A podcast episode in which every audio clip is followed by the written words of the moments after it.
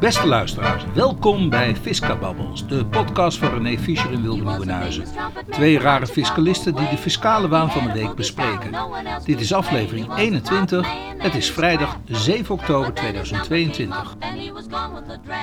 Uitspraken zou moeten uitleggen. Maar dat zijn wel dingen dat je denkt van nou, nou, nou. Er, er gebeurt wel wat in deze wereld. En overigens ook nog, vandaag ook nog in de krant, eh, Wilbert, huizenprijzen naar beneden. Ja, Nou, ja en eh, vooral op de A1-locaties. hè? De hele Ja, de eh, A1-locaties. Ja, de maar Delfzijl het stijgt nog een beetje. Delfzijl. Ja, Nou, stond in het artikel. ja. Maar toen dacht ik ook van, oh, ik moet maandag natuurlijk voor mijn eh eh, worstprocedure heb ik een hoorzitting. Ja, het, is ook weer, het is ook weer echt, eh, echt ja, toch wel weer grappig, Wilbert. ja. Ik ga om drie uur ga ik naar het gemeentehuis. Ja. Nou, goed, ik moet naar het gemeentehuis, Bali. Eh, Bali, eh, nou ja, zat, eh, zat vol met mensen. Althans, al- mensen willen een paspoort. Ja. Allemaal moeilijk, moeilijk. Ja. Vervolgens zegt die mevrouw achter de balie: Oh, ik ga even spulletjes halen voor u. Dus de balie is dan op dat moment onbemenst. Ja. Loopt er een ambtenaar loopt langs en die vraagt: van, Hey, is de balie onbemenst? Nou, althans, eh, in, eh, in de gemeente Opmeer wordt nog het ge- gebruik onbemand eh, ge- gezegd, ook al is het een vrouw. Ja. Vervolgens zegt de mevrouw in kwestie: zegt van. Nee, ze zit achter voor mijn, voor, mijn, voor mijn paspoort en mijn rijbewijs. Dus ik zeg, nou, ik wil het toch even herstellen. Maar volgens mij moet het antwoord zijn: ja, er zit niemand achter de balie. Flauw, flauw, flauw. Ja, dat vond zij zelf ook. Ze moest wel hard lachen. maar, maar dat is toch het juiste antwoord, toch? Eh, Het is het het correcte, antwoord is niet nee. het, is het eh, correcte eh, antwoord, ja. Ja. Maar goed, lang verhaal kort.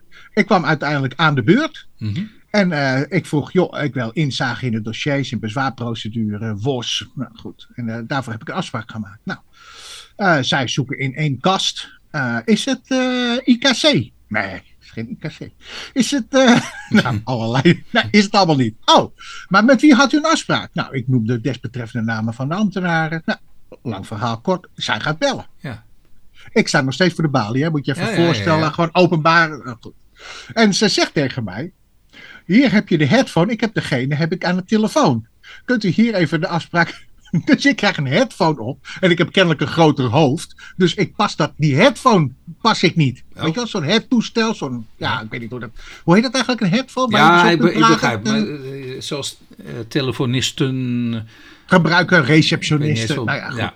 Ja, Bali-medewerkster. Ja, joh, ik, eh, Oké. Oké, dus ik sta daar aan publiek en zij gaat eh, tegen mij zeggen over, dat, eh, over wat ze heeft toegestuurd. Hm, Ja, ik zeg, nou, ik kom voor het inzage in het dossier. ja. En inzage in het dossier wil zeggen dat ik dus wil weten wat er dus ten behoeve van die, eh, van die bezwaarprocedure in het dossier aanwezig is. ja. Kijk, en als dat elektronisch is, dan maakt het mij ook niet uit. Dan Nee, kan ik, maar kan ik stem over het de even- schouder heen kijken. Ja, stem het even af. Maar, maar mag ik nu vaststellen dat er slechts in het dossier zit dit en dit en dit en dit en dit en niks meer? Ja, dat zit in het dossier. Dus u heeft ook geen contact gehad met anderen over de desbetreffende bezwaardossiers. U heeft ook geen. eh, Ze begint zij een explicatie te geven over wat zij heeft verstrekt. Ik zeg, nou, dat kunt u beter doen op het moment dus dat die hoorzitting is, want er zitten ook de belastingplichtigen zitten daarbij. Ja. Dan, want ik ga die vertaalslag niet maken aan mijn belastingplichtigen. Nee. A, ik begrijp het niet. Nee. En B, u kunt dat zelf wel uitleggen Ja. wat dat is. Ja. Maar ik zal u één ding zeggen. Wat ik wil weten, heel duidelijk, is het volgende. Ik wil weten de waardestijging, hoe dat tot stand is gekomen in vergelijking met de vergelijkbare panden Ja. die u heeft verwezen. En het softwareprogramma. Ja. Dus ik wil gewoon weten, 1 plus 1 is 2. Ja. Of 1 plus 2 is 3. Ja. Dat wil ik zien. Ja. En niet dat er een zogenaamde, ik noem het nog maar even, black box ontstaat. Ja. Hè, we schudden wat Ik, de zal- ik gegevens het in voor de computer. ik zal het voor Ik u ga- duidelijk maken. Ik noem het even black box. Ja, Ja? ja. maar ik ga. nee, maar dat arrest zelf heb ik natuurlijk nog niet genoemd. Oh. Dus ik denk van ja, ik wil niet dat er. Ja, we stoppen allemaal gegevens in een shaker.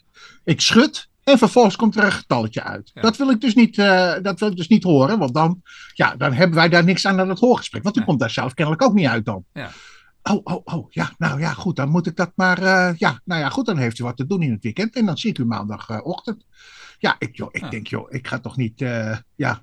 Maar het gekke is over dat inzagerecht, Ja. dat ze kennelijk bij zo'n gemeente op meer dan niet weten wat dat dus behelst, Nee. dat inzagerecht. Want eigenlijk heb ik nu dat inzagerecht niet gehad. Nee. Ik heb zelf moeten vaststellen wat dus in het dossier zit, Ja. via deduceren en combineren. Ja. Dat is niet het inzagerecht Nee. dat ik verwacht. Nee. En dat is ook volgens niet de letter Nee. en in de geest ook van eh, artikel 2, nog wat AWB. Nou goed, ik, eh, maar goed, dat, eh, dat waren even mijn Ja. dingetjes over het OZB. En dat is overigens ook fiscaal, hè? Ja, ja, nee, hoorzittingen en inzagerecht, dat, dat is ook gewoon in, in het fiscale recht. Ja. Ja, zeker. Die man die Maar zwaar schiet wil je toch wel inzage in het dossier krijgen. Ja, en dat dat elektronisch is, is ook niet relevant. Nou, dan, nee, je- dan, ja, dan moet je gewoon laten zien Ja, ja. wat er dus in het elektronisch dossier is. En dat kan. Ik, kan worden uitgenodigd en zij kan eh, over de schouder laten zien wat er in dat dossier zit. Maar dit hebben ze bij de Belastingdienst wel goed onder controle, vind ik Beter. zelf. Ja, be- Beter. beter. Beter. Beter. beter. Nou, moesten maar eens beginnen, toch? Ja, we gaan maar weer eens beginnen. Ja. We hebben, oh ja, het is een leuke introductie trouwens hoor, dit. Ja, eens. Nou ja, ja, kijk, eh, ik, ik, ik begreep alleen de eerste zin niet, althans de, de titel niet. Eh, maar dat ga jij mij uitleggen. Lek, maar dan L-A-C-K. Ja, het is IACK. Oh, het is. Nee, zie je de Ja, de, eh, is? IACK. Individuele de- combinatiekorting is dat. Staat dat voor. Nog een keer, de individuele. A- Ja, A- A- aanvullende combinatiekorting. Oh. Zoiets. In, eh, individuele aanvullende combinatiekorting. Oké, nou. Dat, is een, eh, dat is een toeslag die je krijgt als je dus samenwoont en eh, je hebt de, de verzorging van kinderen op je die jonger zijn dan 12 jaar. Nou, en, of die, eh, 12 jaar of jonger. Ja. En als je daarvoor, dan krijg je een bedrag van 2000 euro per jaar. De meest verdienende. Of was het de minst verdienende? De minst verdienende, dacht ik. Ja, Oh. Dus die ja. krijg ik ook elk jaar. eh, Ja, althans- de- ja, als je de kinderen hebt van, eh, van 12 jaar of jonger, wel, ja. ja. En, eh, Oh. ja, en dat wordt bij de minst verdienende wordt dat in aanmerking genomen. Oh, hij is, net bij, hij is net 13. Volgens mij is dat de minst verdienende. Maar mijn vrouw, die, die heeft dat nog nooit gekregen hoor. Ja, moet je, ja. Oh. maar eens even kijken of je dat krijgt. Oké, nou ja. ACK. Nou ja, oké. IACK is de titel voor gescheiden vader. Ja. Die vol, nou ja, dan heb je toch niet meer die, eh, die, die een minst verdienende. Maar die voldoet aan zes je eh, Maar je weet niet wie er het meest verdient, hè? Kan er ook de vrouw zijn, dat is ook wel weer redelijk seksistisch. Van wie hij gescheiden is, bedoel je? Ja. Ja, nee, dat geloof, dat geloof Ja, nee, maar zo ging ik er ook wel even vanuit. Want ik neem aan dat die gescheiden vader dan de minst verdienende is. Ja, dat zou dat de minst verdienende moeten zijn. Ja. Maar die woont toch niet meer samen dan? Dus, eh, want daar is hij toch gescheiden voor? Dan Ja, kom ik ja. toch niet meer in. Maar er komt er in die regeling komt het er eh, eh, naar, naar voren dat je dus de kinderen tenminste voor een periode van meer dan zes maanden onderhouden hebt. En het betreft een eh, uitspraak van de Hoge Raad 30 september 2022. En het betreft eh, eh, artikel 44b uitvoeringsregeling inkomstenbelasting 2001. Hoge Raad 30 september 2022 nummer 22 slash of schrap 00188. Hm. En als we dan teruggaan, dat is het eh, nou, heel kort. De belanghebbende en zijn echtgenoten gaan uit elkaar. Twee kinderen staan ingeschreven bij eh, de ex-echtgenoten. En verblijven in principe om de week van donderdag tot dinsdag bij eh, de vader. Ja. In dit geval. Oké. Ja, nou ja, de inkomensafhankelijke combinatiekorting weigert de inspecteur toe te kennen aan niks. Omdat de kinderen niet doorgaans tenminste drie gehele dagen per week in elk van beide huishoudens verblijven. Worden Maar ingegeven. waar, waar, waarom is hij nou in cassatie gegaan, de staatssecretaris? Ik bedoel, wat, wat, wat, wat, wat Nou, voor zij hij aan nou? zijn ingesloten periode van zes maanden. Daar gaat het om. Zij, zij geven een andere uitleg aan die periode van zes maanden. En Dus moeten aan ingesloten periode en niet zoals de eh, belastingplichtige doet. Maar dat Eh, zou betekenen eigenlijk dat je deze korting dus nooit zou kunnen krijgen als je gemeenschappelijk de kinderen opvoedt. eh. Precies, maar dat, had, eh, maar dat had de Hoge Raad ook al eerder beslist dat het wel zou kunnen. ja, maar, ja. Maar dan, dan, dan, dan, had de staatssecretaris, die had het zo voor ogen dan... Maar dan moet je zeven maanden aaneengesloten bij de een wonen en dan vijf maanden... en één dag plus. Ja, Ja, maar en dan vijf maanden eh aaneengesloten. Dat- dat- Maar dat is toch eh ridicuul? Nou ja, jij vindt dat ridicuul, maar eh, de staatssecretaris kennelijk niet. Oké. Maar, maar ja, nou, als dit verloren zou zijn geweest, dan zou ik me, kan ik me goed voorstellen dat de politieke partijen zich erover zouden gaan buigen, toch? Ja, kijk eens even in de aangifte. Heb je er rekening mee gehouden? Oké, eh, volgende. Zonder aanmaning geen boete voor opzettelijk niet doen van aangifte. Ja, het gaat toch om een uh, vergrijproute in deze. Ja? En er is uh, niet naar behoren aangemaand, ja. zoals dat zo mooi heet. Ja. En als het dus niet naar behoren is aangemaand, kan het dus ook uh, niet leiden tot het opleggen van een vergrijpboete. Ja. En dat is best wel, uh, ja, de, ja het, het, lijkt heel logisch, is ook heel logisch. Ja. Maar ondertussen gaat er, wordt er wel over geprocedeerd, tot zelfs naar de Hoge Raad. Ja. En mij is altijd geleerd, ook al tijdens de studie, bij AWR en AWR en, en AWB dat uh, uh, ja, je moet naar behoren moet je de regels volgen en de procedureregels. En uh, als je die procedureregels niet volgt, dan kan je daarop tegen verzetten. Nou, en hier is dit ook het geval. Maar het gekke is dat je hier naar de Hoge Raad moet gaan om je gelijk te krijgen. Want hier is precies hetzelfde als bij die IACK aan de hand. De staatssecretaris is uh, weer in uh, cassatie gegaan. 30 september 2020. Even, even een verhaal uit de praktijk. Hoge ja, ja, nummer ja, 21 02001. Ja. dus Hoge Raad van 30 september. September 2022. En waar ging het om? Het ging om een aanslag uh, in verband met uh, ambtshalve opgelegde IB-aanslagen. En het verschil tussen BTW en IB is, Wilbert, ja. dat betreft een aanslagbelasting. Oh. En ja, ja, ja, ja. Dus deze meneer die was, nou, zat in het gevang. En hij nou, een voorlopige het echtenis. Ik weet niet, is dat ook meteen het gevangen? Of? Hij zit in het gevangen, ja. ja. okay. daarom heeft hij een ander adres. Nee, ja, ja, anders had hij nog gewoon op zijn woonadres gewoond. Nou ja, voorlopige hechtenis, ja, dat kan ook zijn dat je toch even bent opgepakt of niet. Dan ben je toch ook een voorlopig Ja, je bent voorlopig opgepakt. Ja, ja. Ja. Maar, maar je bent in ieder geval niet vrij om te een, gaan en te staan waar je wil. Nee, het is wel een nee. vet strafbaar feit waar je voor zat, dus kan blijkelijk. Want ja, dat weet ik ook. Ja, ja, ja, nou ja, goed, dat moet ook nog blijken. of je... ja, en ik denk zelf dat het toch iets te maken heeft met, uh, nou goed, dat staat ook wel in, uh, in de Hoge Raaduitspraak, met onrechtmatige ja. Uh, ja, in- en verkopen. Ja, dat, okay, dat heeft dus ze sturen inderdaad de, de, de, de, de ambtshalve aanslag, die sturen ze eigenlijk naar een, het woonadres, terwijl die man in het gevangen zit. En ze weten dat ook nog, dat hij in het gevangen zit. Vind ik ook wel wel knap hoor. Dat, dat ze dat ja, weten. dat ze dat wisten, hè? Ja, ja. ja, ja weet je. Wordt dat, dat doorgegeven dan of zoiets? Het, uh... Ja, dat zal waarschijnlijk wel te maken hebben dat er Ja. gecommuniceerd is. En uh, over ook de aanslagen, over het boekenonderzoek. Ja. En dat zal ook wel zo zijn geweest dat er niet rechtstreeks werd gecommuniceerd, maar misschien wel met Zoom of iets dergelijks. Dat hij daardoor wist dat hij uh, niet uh, thuis zat. Nou Kijk, ja, Dat denk ik. Ja. Dat denk ik. ja. Maar de inspecteur wist, en dat is dus kennelijk een feit, hij wist dat hij een voorlopige hechtenis zat. Ja. Ja, Het is wel leuk hoor, want ik, ik heb wel zaken meegemaakt dan. Eh, waar, waarin iemand in, in hechtenis zat, dus in het gevang. Maar die had natuurlijk nog een auto. Een auto op zijn naam staan.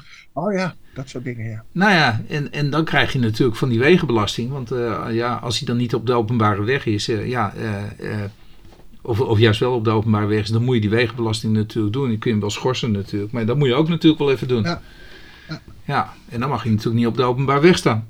Precies, Ja. precies. Dus dat, Maar dat- de Hoge Raad hier in dit geval maakt er al korte metten mee met Ja. het eh, cassatie eh, eh, van de staatssecretaris. Ja. En die zegt ook, ja, er kan geen vergrijpboete worden opgelegd wegens het opzettelijk niet doen van aangifte als eh, de belastingplichtige het niet Ah. eerst op voorgeschreven wijze is gemaand. Het maakt niet uit of X bekend was met zijn verplichting om aangifte, te doen. En dat de aangifte opzettelijk niet is gedaan binnen de termijn die was gesteld in de uitnodiging tot het doen van de aangifte. Nou, en, en de Hoge Raad verwijst nog even naar het desbetreffende artikel. En daarmee is de pleit beslecht voor de staatssecretaris. En dat is al eh, eh, arrest 2, waar eh, de staatssecretaris achter het net Oké, hey, volgende. Corona niet zonder meer reden voor verlenging redelijke termijn. Ja. Ja. ja. Nou de redelijke Hoge- termijn. De redelijke termijn. Ja, wat is een redelijke termijn? Hè? Volgens, eh, eh, eh, in dit geval betrof het een, een- Uh, ja, dat gaat weer over de BPM. Procedeert tegen een aangifte volda een voldoen, uh, voldaan bedrag aan BPM. Ja. Uh, ik verzoek in een hoger beroep bij Hof Leeuwarden om een immateriële schadevergoeding, een ISV. Wegens oh. het overschrijden van een redelijk termijn, ook voor de fase van bezwaar en beroep. Nou, in dit geval heeft het Hof Arnhem gezegd dus, oordeelt dat er van termijn geen sprake was. Ja. en dat je niet je kunt, verwij kunt verschuilen achter dat corona-gedoe. Uh, nou, ja. Goed, en daar ben ik er eigenlijk ook wel mee eens. Want dit is eigenlijk uh, dus ook. Ja, je krijgt dus die ISV wegens dat lange wachten, die immateriële schade. Ja, maar ja, je, je kunt natuurlijk als, als Hof zeggen of, of van, van er was overmacht. Ik bedoel, door de corona konden de zittingen niet doorgaan. Precies. Maar je mag alleen maar die termijn in aanmerking nemen, maar niet die, maar niet die termijnen dat de rechtbanken gewoon open waren. En dat zegt, uh, en dat zegt de oh, Hoge Raad ook. Okay. Die zegt van ja, uh, je kan alleen maar die termijn in aanmerking nemen, dat er dus echt niet mocht worden uh, voorgezeten. Maar op het moment dus dat jij dus ja, de zittingen gewoon open waren, ja, dan kan je je daar niet op beroepen. Ja, ja. En dat zegt de Hoge Raad nu ook. Dus de Hoge Raad bevestigt dus dat een verlenging van de redelijk termijn wegens corona alleen is toegestaan indien die zitting was gepland hè, in de periode van dat de rechtshoven gesloten waren. Maar dat was hier dus niet het geval. Nee. En dan krijg je dus ook de ISV uh, krijg je dus uh, niet. Uh, de volgende. Belastingadviseurs die voorzien problemen. Ach, in de uitvoering van de verzoberde 30% regeling.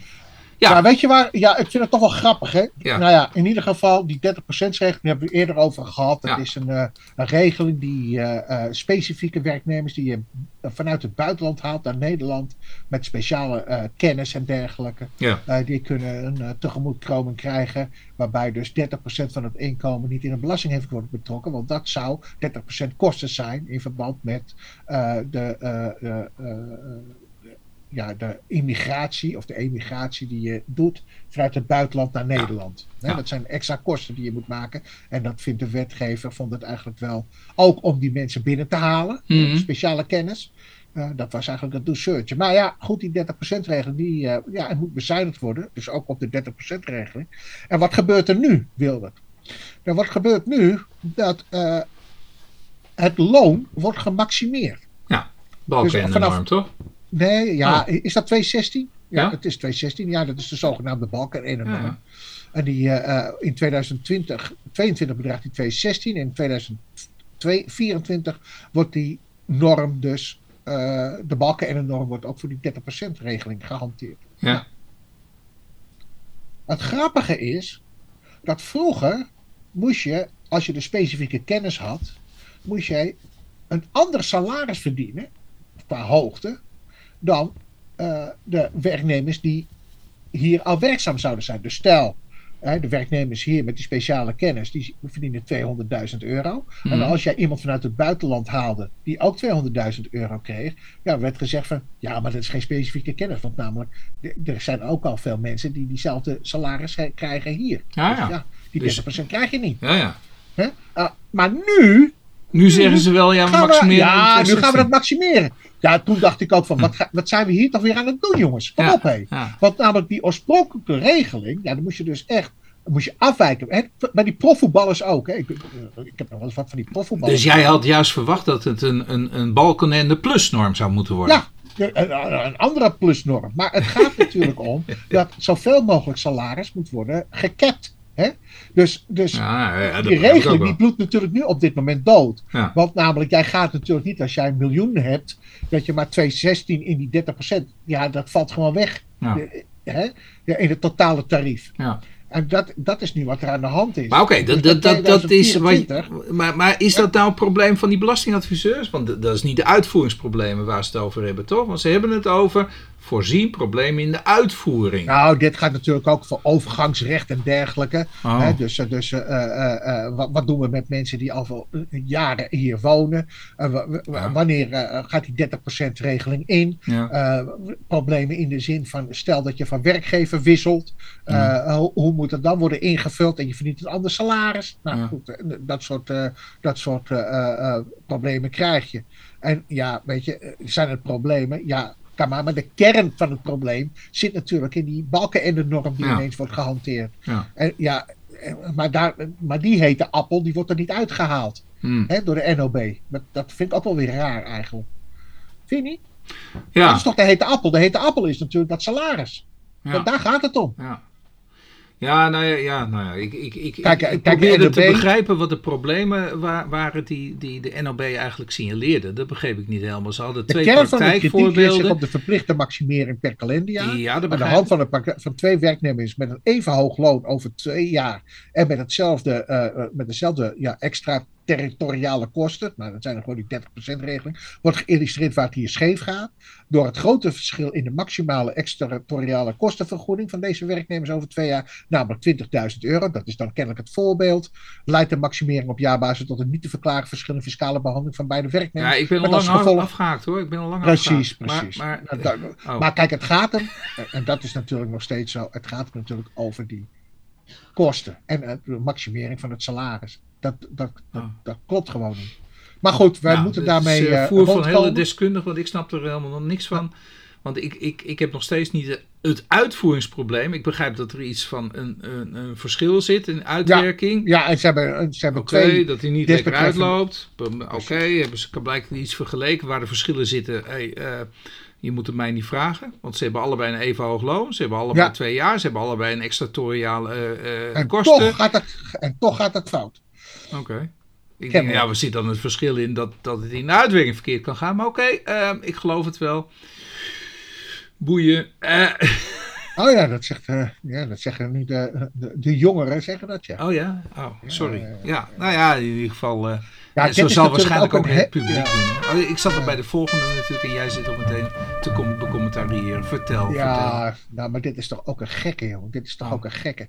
Nou, maar kennelijk wilde de belastingplichtige wilde iets eh, realiseren. Zullen we eerst de titel even doen? Kun je die even Precies, voorlezen? ja. Verstrekte leningen aan Ja. BV vormen geen ter beschikkingstellingslening door ontbreken aanmerkelijk belang. Ja. Nou, kern van, Eh, het is een uitspraak van. Van Hof Arnhem-Leeuwarden, 20 september 2022, nummer 21, schrap of slash 01551. Goed zo.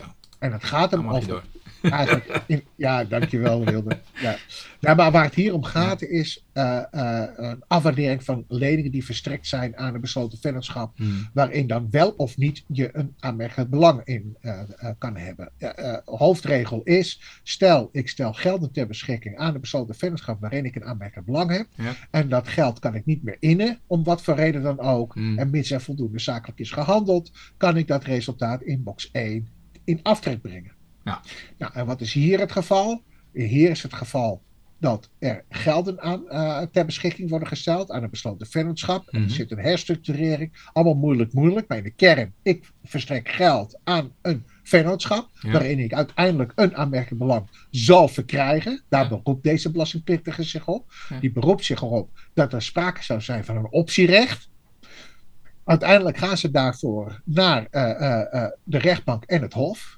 En uiteindelijk vangen ze twee keer bod voor wat betreft het hebben van een aanmerkelijk belang. Want wat zegt eigenlijk het hof? Die zegt van nou, u heeft niet aangetoond dat die opties zodanig zijn ingevuld dat u daarmee een aanmerkelijk belang zou kunnen verkrijgen.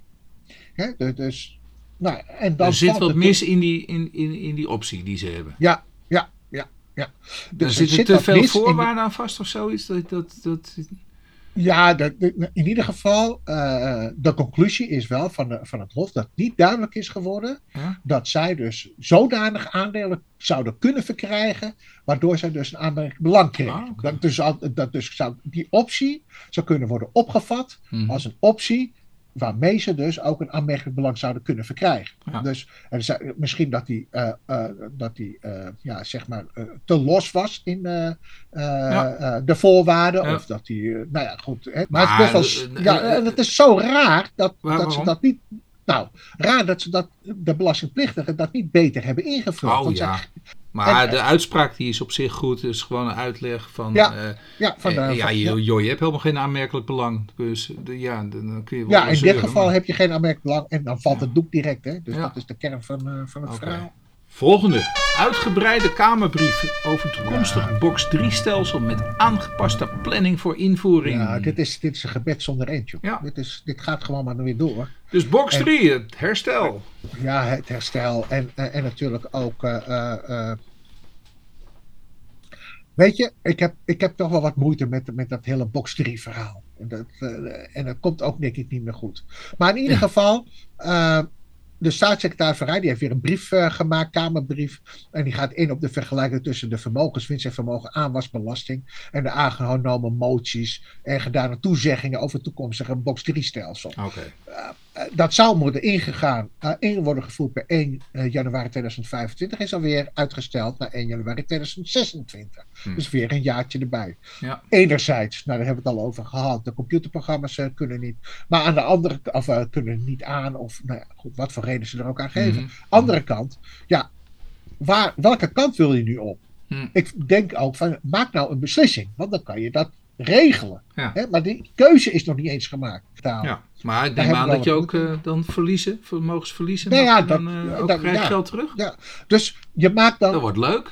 met ja, dan krijg je dus een ingewikkeld stelsel. Dus Dan proberen waarschijnlijk eerst de, de, crisis een beetje, en dan weer op, na de crisis weer kunnen gaan kijken van hey, hoe gaat het nu? Dan gaan we dus Ja. weer in en dan krijgen we zo direct de volgende crisis en dan gaan we het weer natuurlijk weer aanpakken. Ja, kijk, maar aan de andere kant, ja, weet je, kijk, je, je moet ook elke keer de worst voor, eh, voor ander onroerend goed, moet je ook de waarde het economische keer in aanmerking nemen Ja. elk jaar. Ja, Dus daar zit ook geen ander, daar zit ook geen verschil in, als je begrijpt. Ik nee, ja, vrij, maar, maar- ja, maar bij, bij het één ga je echt over een nog eigenlijk niet gerealiseerde eh, aanwas, ga je een heffing Ja, plegen. ga je even. eh, even dat zou betekenen dat bij een niet gerealiseerde vermogensverlies je ook geld terug zou moeten betalen. En dat is wat anders dan bij een WOZ. Bij een Ja. WOZ moet je Ja. gewoon overal over betalen, alleen de waarde wordt wat minder.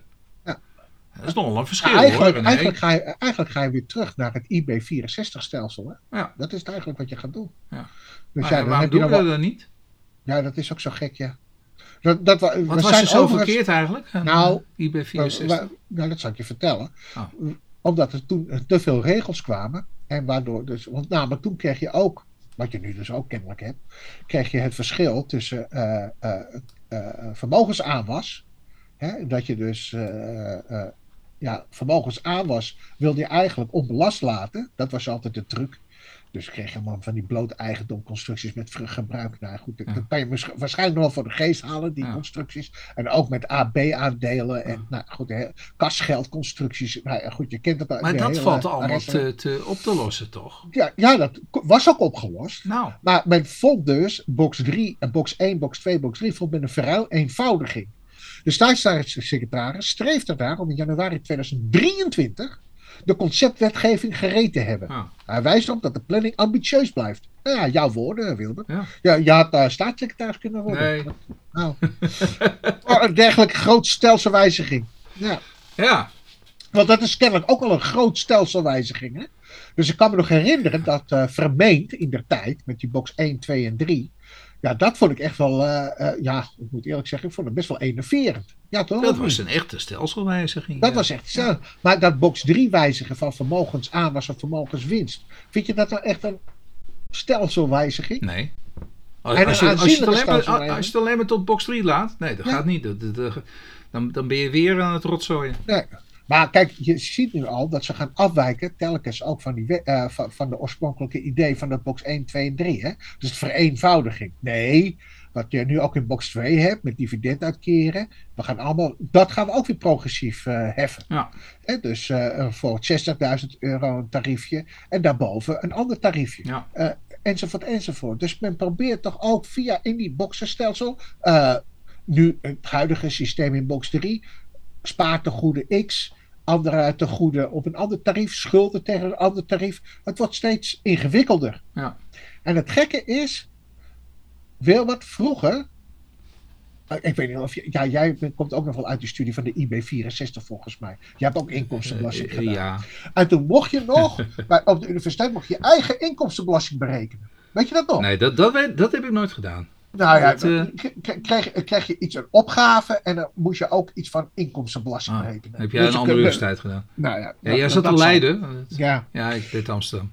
maar dat kon je dus doen. Dat Ja. kon je dus doen. Je kon ja. dus eh, eh, eh, je eigen inkomstenbelasting met de hand uitrekenen. Ja. Het is haast niet meer mogelijk dat te doen. Want je hebt dus A, heb je dus al die verschillende tarieven hè, waarin je eh, die aftrek hebt. Bijvoorbeeld hypotheekrente moet je tegen een ander tarief aftrekken. Dat moet je tegen een ander tarief aftrekken. Ja. Goed, met Eh, box 3 moet je tegen andere tarieven af, afrekenen nu. Maar wat dacht je dan vervolgens nog? als je dus getrouwd bent of een fiscaal partner hebt, dat je nog inkomens kunt verdelen over Hmm. die. nou ja, probeer dat maar eens met de hand te doen. Ja. Dat is niet meer te doen, jongen. Ja. En vervolgens, ja, weet je, zelfs, ja, ik moet toch even terughalen aan het begin, dat black box. Maar dat inkomstenbelasting uitrekenen wordt nu ook een black box, hè? Ja. Ja, nou, dat kan ik me voorstellen. Dat je zegt van nou, dat, eh, dat kan toch niet meer. Nee. Nee. Kijk, ik, kijk, jij staat ook voor vereenvoudiging hè, bij de, binnen de, Ja. de- de politieke partij. Ja. Ja. ik denk dat daar toch ook wel. Kijk, en Maar Dat- ja, ik, ik, ik- provinciaal staat. Hè. Ik bedoel dat. dat eh, maar ik, ik irriteer me inderdaad heel erg aan, aan de regels die allemaal aan ondernemers worden opgelegd. En dan moeten ondernemers ook nog eens een keer meer gaan betalen. Ook nog eens een keer. Die gaan saldo, blijkelijk een bepaalde crisis betalen. Ja, ik, ik kan er niet meer tegen. En, en het vervelende is, ik zit bij een partij die eigenlijk van origine altijd eigenlijk de partij was van de ondernemers.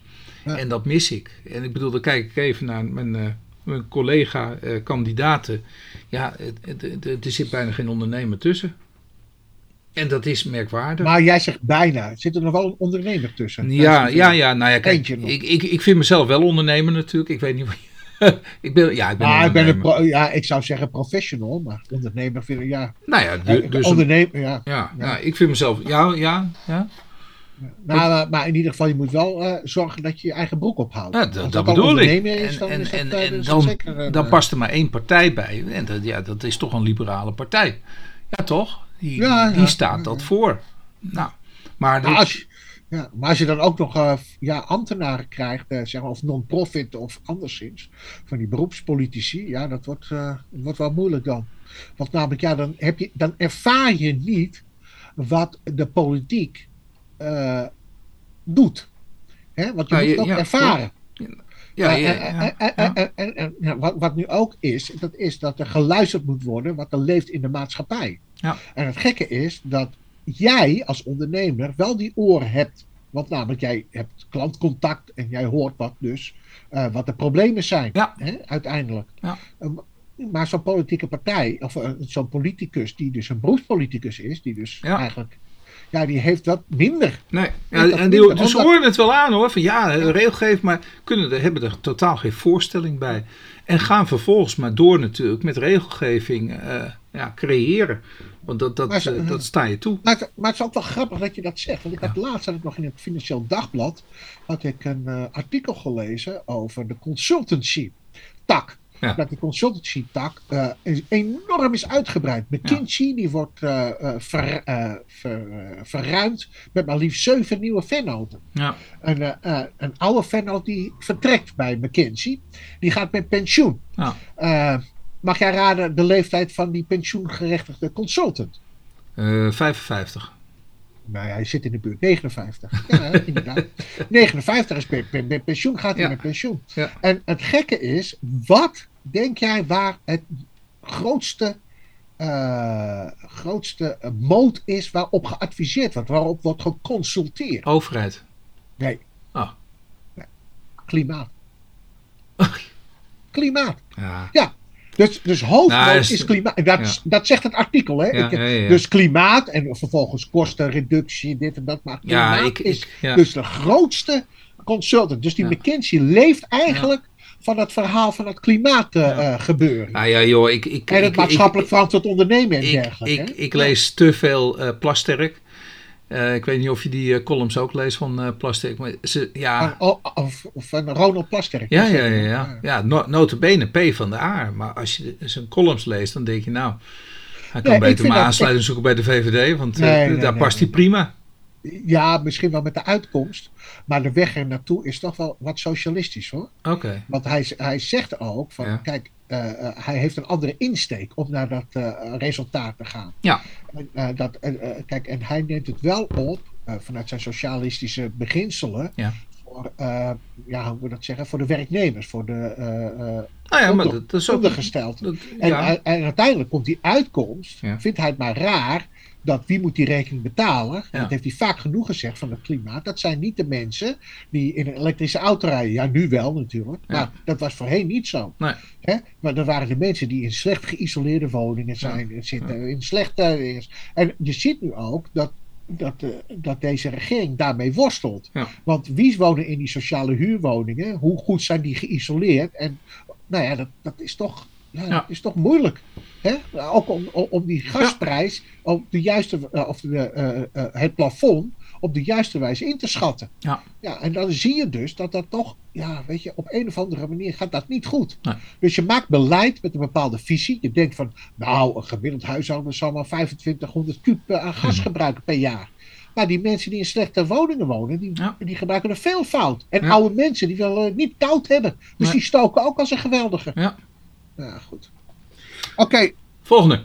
Volgende. En die heb je voor mij erin gegooid. Ja, want namelijk, ik weet nog goed dat wij ooit eens in het verleden hierover wel eens een keer. Ja, maar dit is, dit, dit, dit, is niet. Ja, dus dit. Uh, is wel een interessante, dus. Nou ja, in, in zo. Ja, ja, nou, ik vind hem zeker interessant. Alhoewel ik het Hof van Justitie. Uh, eerst even de titel. Schriftelijke overeenkomst kan als factuur dienen.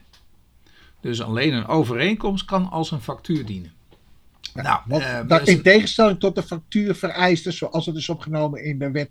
Ja. Uh, nou, er is dus een uitspraak van het Hof van Justitie, 29 september 2022, nummertje C-235,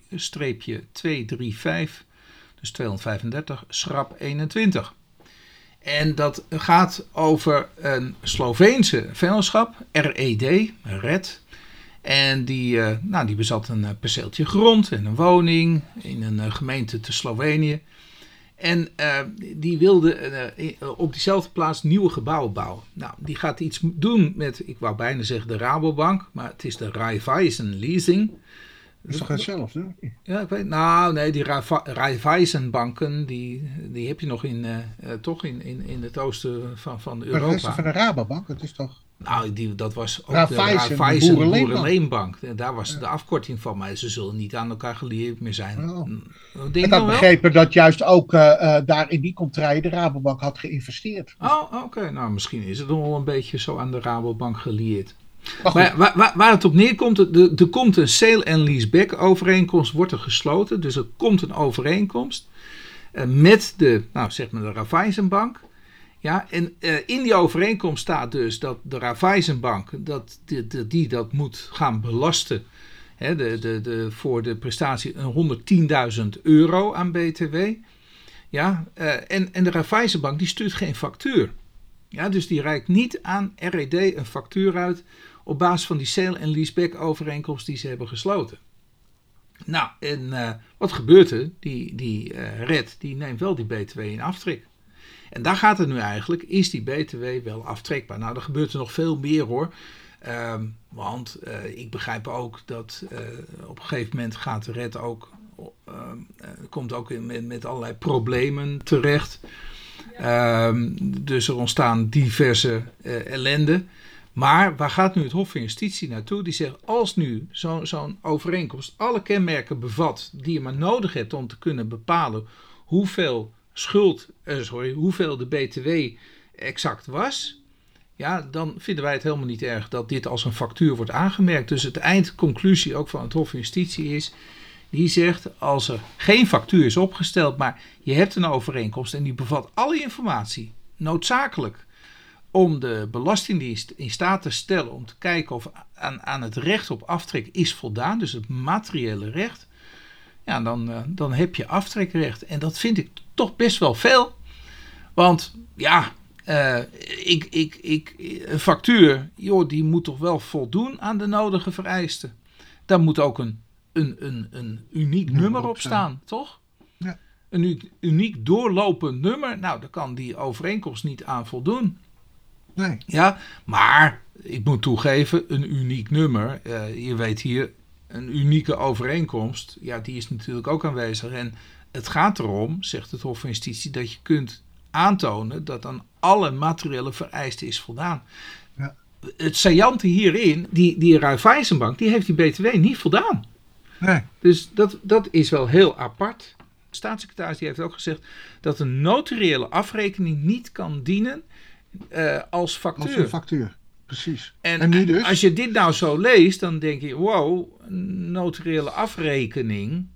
Ja, Is die, ook een factuur dan, bijna wel alle unieke kenmerken die nodig zijn om de materiële vereisten te kunnen, eh, te kunnen waarborgen. Dus ik, ik, ik denk dat, ja, nou, daar zou je nog wel over kunnen twisten natuurlijk. Van, hé, hey, hoe zit het nou precies? Kun je dat niet beschouwen als zijnde een, een factuur? Nou, Ja. Hey, ik eh, doe even de deur dicht. hey, oh ja, het was bij jou. Ik, eh, Ja, dat was bij jou hoor. Ja, bij mij ik moet ook. De deur dicht doen. Ik, ik kreeg een. een oh, hij is alweer weg. Ik kreeg van de KFC een eh, pakketje. Eh, ja, het heet dan niet een Happy Meal, hè, maar met een eh, Bacon Zinger Special. Oh, dus dat kwam je zoon brengen. Ja,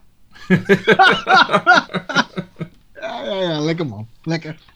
Ja. met een milkshake erbij. Maar ja. Ah, ja. Ja, Ja, ja. die, ja, die milkshakes zijn het lekkerste hè, van de KFC. Ja, en vroeger waren die rietjes eh, vond ik verderfelijk. Dus Ja, eh, dan nam ik ze mee naar huis. En Ja. dan eh, eh, pak ik mijn eigen plastic rietje. ja, ja, ja, hebben wij ook van de McDonald's. Ja, ja, hebben wij eigen plastic rietjes nemen we. Ja, precies. Want, ja, dat, maar tegenwoordig zijn die rietjes wel beter geworden. Dus, eh, dus het is nu niet meer zo. dat Ze hebben ze ook groter gemaakt, hè? Groter. groter en ook harder. Ja, Dus ze, want voorheen smelten. het Ja. ja, maar je proefde gewoon het karton. ja ook heel vies. Ja, ja, ja, is echt ze verbeterd. Zo. Ja. Dus, eh, dus eh, maar goed. Ja. Voor de luisteraars, dit houden erin. Ja. Oh, oh, oké. Nou, dat was eh, de KFC. Freshly prepared staat op de verpakking. Oké, grote periodieke giften tot 4 Ja, oktober dit is- 2022. Ja. 4 uur aftrekbaar. Oh, Ja. we zijn te laat. Ja, dat dan weer wel. Ja, ik weet dat jij nogal eh, stichtingsgevoelig bent om eh 250.000 euro Nou, dat, is, dat gaat mij een beetje... Ik, ik, eh, jullie mogen het wel aan mij geven, maar dat gaat Als je een ambi-stichting hebt, ja. Als ambi. Maar in ieder geval, per 1 januari 2023 hebben we het ook gehad, hè, tijdens een van de eerdere podcasts, dat die giftenregeling eh, wordt beperkt voor, ja, voor mensen die dus grote giften gaan doen. Omdat er misbruik van werd gemaakt. Ja, omdat er meer misbruik van werd gemaakt. Maar nu Ah. heb ik dat hele artikel doorgenomen, Hmm. van waar dit nou vandaan komt. En ik was toch wel geïnteresseerd. Waar komt dit nou eigenlijk vandaan? Ja. Nou, er is ooit eens een onderzoekster geweest. Ja. Ja, waarom ik dat ook weer onderzoekster noem, dat weet ik ook niet. Maar het was een onderzoekster. En die kwam dus wat tegen eh, dat dus eh, voornamelijk ook vermogende eh, een stichting oprichten. Ja, ja. En waarna aan zij dus grote bedragen gingen storten. Daartegenover kan worden gesteld, jij zei toen vorige keer ook al, ja, maar je hebt toch de ambi-regels daarvoor. Als het geen ambi is, weet je, dan kan je die bedragen wel gaan, eh, gaan Ja. als gift, maar dan zijn ze niet aftrekbaar. Dus da- dan ligt het nog op de weg om die ambi-regels aan te passen als je daar wat mee wil. Nou ja, de- niet de, bedragen die daarmee gemoeid gaan. Nee, de, de Want- voorwaarden, die moet je dan gaan Precies. kijken. Van, ja, Ja. voldoe je wel aan de voor, voldoe je er niet aan? Ja, ben je geen ambistichting? Nou, dan mag je dokken. Ja, toch? Precies, Zo dat, simpel. dat lijkt mij ook op, de, op die weg. Dus ik vind het eigenlijk een kulregeling. Dat eh, meen ik echt serieus. En, en de reden daarvan. Het Nee, komt, niet de kulregeling. Wat er nu gaat gebeuren. ja, ja, nee, ik bedoelde dus die aftopping. Hè? Dus, Ja, dus dat alleen maar 250.000 bedoel euro begrenzing. Die regel, de, die regeling, echt- maar de maatregel die ze nu doortrekken. Ja, maatregelen. Of de hebben De- doorgevoerd. Maar, Ja, ja. maar goed, dan hebben ze ook nog eens een. eh, eh, ja, dat doet mij denken aan 31 maart 1996, voor jouw begrip. Want dat is toch iets van de BTW, hè? En ook- 1995, René. Oh, is dat. eh, oh, zat, ik, zat ik er een jaartje naast? Dat was 31 maart 1995 en dat was om De zes, economische om eigendomsoverdracht. Is zes uur s'avonds. Ja, Ja. economische eigendomsoverdracht. Ja. Ja. Maar goed, lang verhaal kort.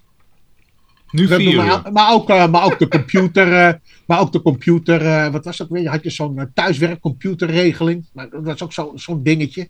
Maar volgens mij was dat ergens een 27 oktober of zo. Mhm.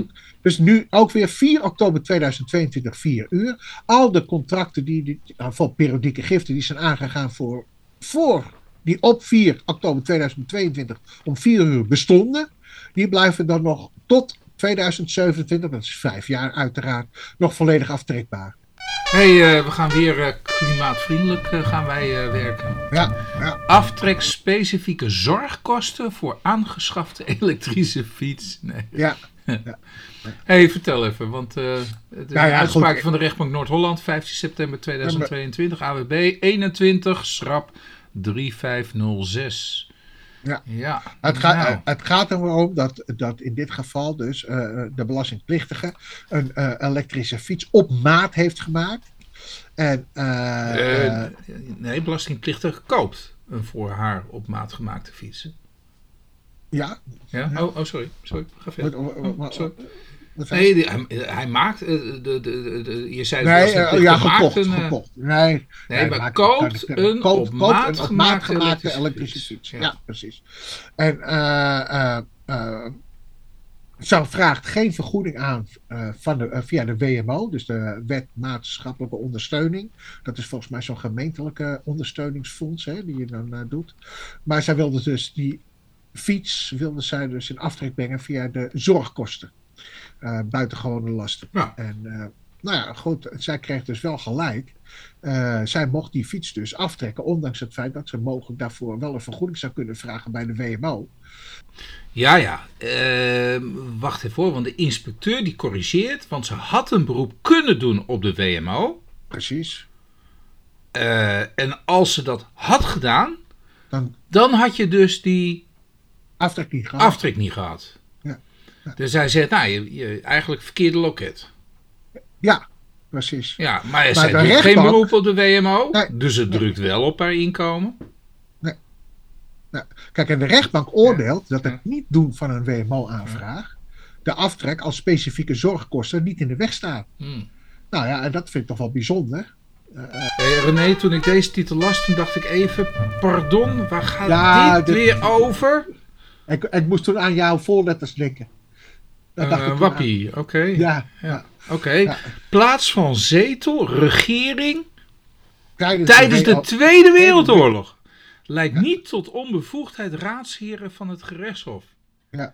Ja, het was een vrij warrig verhaal, wat Oh, ik er van uit kon, kon concluderen. Oké. Maar het gaat er eigenlijk om dat uh, rechters onbevoegd zijn, omdat in de tijd, na de Tweede Wereldoorlog, uh, niet op de juiste wijze uh, uh, de rechtbank is of zou zijn geïnstalleerd. En daaruit voortvloeiende, dus alle benoemingen daarna ook niet. Dat is eigenlijk het pleidooi wat wordt gehouden. Maar het grappige is, en daar wil ik ook wel weer een lans breken voor de rechters en dat het ook gepubliceerd is. Uh, hiermee moeten ze ook mee handelen, met rechters. Dus met dit soort verhalen. En ja, ik vond het toch wel weer grappig om uh, dit te lezen. Want deze, beste, deze best, desbetreffende belastingplichtige, die is toch zelfs naar Hof Den Haag gegaan en zelfs naar de Hoge Raad gegaan van, uh, met dit argument. Ja. Ja. Ja. Ja. Nee, maar ik, ja, maar. Ja. Nou, ik, ik, ga hier geen woorden ik, zou, ik, maar, lees het, luisteraar, lees het, lees het. Ah, die, maar het, die man is ja. niet goed snik. Dus. hey, uh, we gaan door. Informeren van burgers over FSV-registratie alleen door Belastingdienst. Ja, ja. Nou, ja, om mijn luisteraars tegemoet. Nee, nee, niet weer ja. opnieuw. Want vorige week oh. hebben we uitgelegd waar die uh, FSV voor staat. Nou ja, nu gaan we naar de podcast nummer 20 van ons luisteren. Dat ja, ja, ja.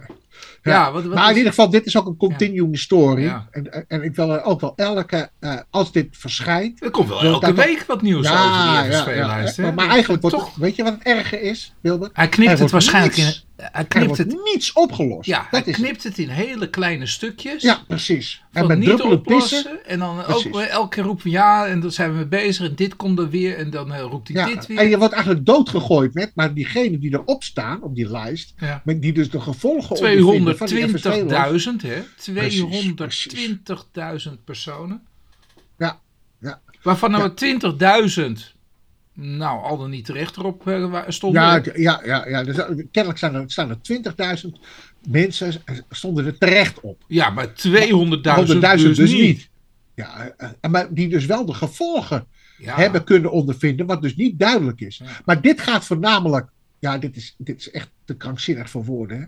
Kijk, de Belastingdienst die gaat nu informeren Ja. over wie, welke instanties ook werden, eh, gebruik konden maken van het feit dat je op zo'n FSV-lijst staat. Ja.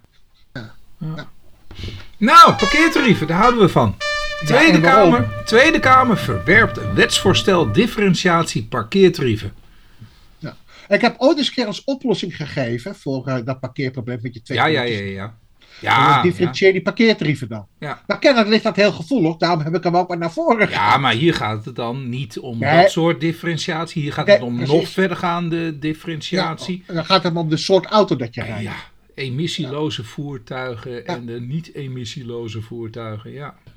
hey, nabetaling bijstandsuitkering leidt tot onterechte terugvordering zorgtoeslag. Ja, eh, en dit vind ik ook wel weer een Dit is sympathieke. de laatste die we ja, doen, hè? Ja, ja, ja, dit is de laatste. Dit is wel een hele sympathieke. Ja. Ja, eh, sympathiek. En waarom ook? Omdat wij ooit eens een keer, nou jij hebt ooit eens een keer gezegd van, weet je, zo'n rechter moet je ook wel eens meenemen in dat proces. En je ook tegen, ja, zeg maar, onredelijke wetgeving of onre- onredelijke gevolg van wetgeving beschermen. Ja. Heb jij ooit eens een keer gezegd, in, je, in je, al jouw wijsheid. Ja. En, eh, nou, en dit is zo'n uitspraak. Ja. Hè? Dus in de kern komt het, nou, rechtbank Limburg. Rechtbank 24 Limburg, dat hebben we Ja. nog nooit eentje Nooit van gehad. behandeld. Nee, Nee. nee. Maar- maar- Rechtbank Af- Limburg, Limburg, 24 februari 24. 2022. Nummer. Dus hij is al een tijdje eh, eh, Ja, ligt hij erin. oud is hij al hoor. Ja, ja, En dan ja. een nummer ook, Roel. Dus zal Roel. van Roermond zijn zeker dan. Ja, Ja, zittingsplaats Roermond. En dan 21. 21 schrap 243. Nou, en even dan hulde voor deze rechter. Eh, mogen we toch wel zeggen, toch? ja, zeker wel. Swipe. Fanning. Nee, dat is de griffier, hè? Oh, dat is de. Nee. Ik vond die naam ook zo prachtig. Eh, ik, ik, heb er een Swipe Fanning. Oh, sorry. Een Dat is de griffier. Schelfout is de rechter. Dus hulde aan deze rechter. Ja, vertel, toch vertel, Maar goed, kort en goed komt het erop neer. Het is best wel een, eh, een, een, sympathieke uitspraak, zoals Ja. ik al zei. Kort en goed komt het erop neer. Ik heb eh, eh, een bijstandsuitkeringsgerechtigde. Die krijgen nabetaling. En, maar in het verleden heeft, heeft degene ook een aanvraag gedaan voor de zorgtoeslag. Hm. Maar door die nabetaling, die dus terug te voeren is op een voorgaand jaar, eh, is dat van invloed geweest op die zorgtoeslag. Ja. Dus diegene moest zorgtoeslag bijbetalen, Oh, terugbetalen. Ja, terugbetalen. Nou goed, eh, eh, en de vraag was, is dat terecht of niet? Want namelijk, dat heeft weer gevolgen voor andere jaren. Ja. En uitgangspunt is, als er gewoon was uitbetaald, was die zorgtoeslag ook goed geweest en was er niks aan de hand geweest. Mm. Dus dat geheel terzijde. Dus Mm. dat is het uitgangspunt.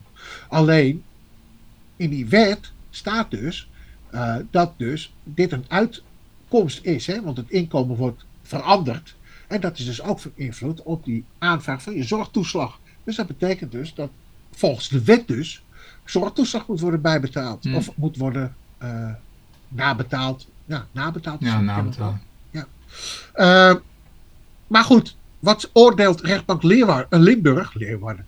Ja, het is het enige wat ik weet met de L. Limburg, nu ook. Ja, ja. Eh, dat de zorgtoeslag 2019 naar de letter van de wet correct is vastgesteld. Echter, door de terugvordering ontvangt X een lagere zorgtoeslag dan waarop hij recht zou hebben zonder de nabetaling. Dit strookt niet met de doelstelling van de wet op de zorgtoeslag. En bovendien hebben X en zijn partner ook in 2019 een inkomen op bijstandsniveau en heeft terugvordering in dit geval oneven, onevenredig nadelige gevolgen voor X. En nu komt het, beste luisteraar. De inspecteur heeft dus in strijd gehandeld met de evenredigheidsmaatstaf van de wet. Nou, dat begrip ken ik. niet. Nee, die heb ik ook nog nooit gehoord. hè. Nee. Nee, Evenredigheidsmaatstaf. Maatstaf. Weet je? Evenredigheidsmaatstaf. Ja, Ja. ja, en, en toen, toen, ja, toen dacht ik van ja, dat is ook typisch Limburg. Dat, ja, je, je vindt het typisch Limburg, oké. ja want eh, namelijk wat er niet is, kan altijd komen. Een evenredigheidsmaatstaf. Nou, ik, ik mag aannemen, want dit is van februari 2022, is geen hoog beroep tegen ingesteld. En dat Nee, is een hele dat- mooie uitkomst dan. Ik, Ja. ik vind dit altijd zulke ja, zielige, schrijnende gevallen. Dat ik Dit denk, zijn schrijnende gevallen, precies dat. Ja. En dan moet zo iemand ook nog helemaal naar zo'n rechtbank toe. Ja, Eh, Ja. En, en ik bedoel, er zit toch al een, een zekere schroom natuurlijk dan toch. Met je hele hebben en houden moet je hier zo... nou, eh, ik kan nog even kijken naar die proceskostenvergoeding. Want, Oh. eh, hier was natuurlijk geen rechtskundige bijstand bij aanwezig, hebben ze zelf gedaan. ja.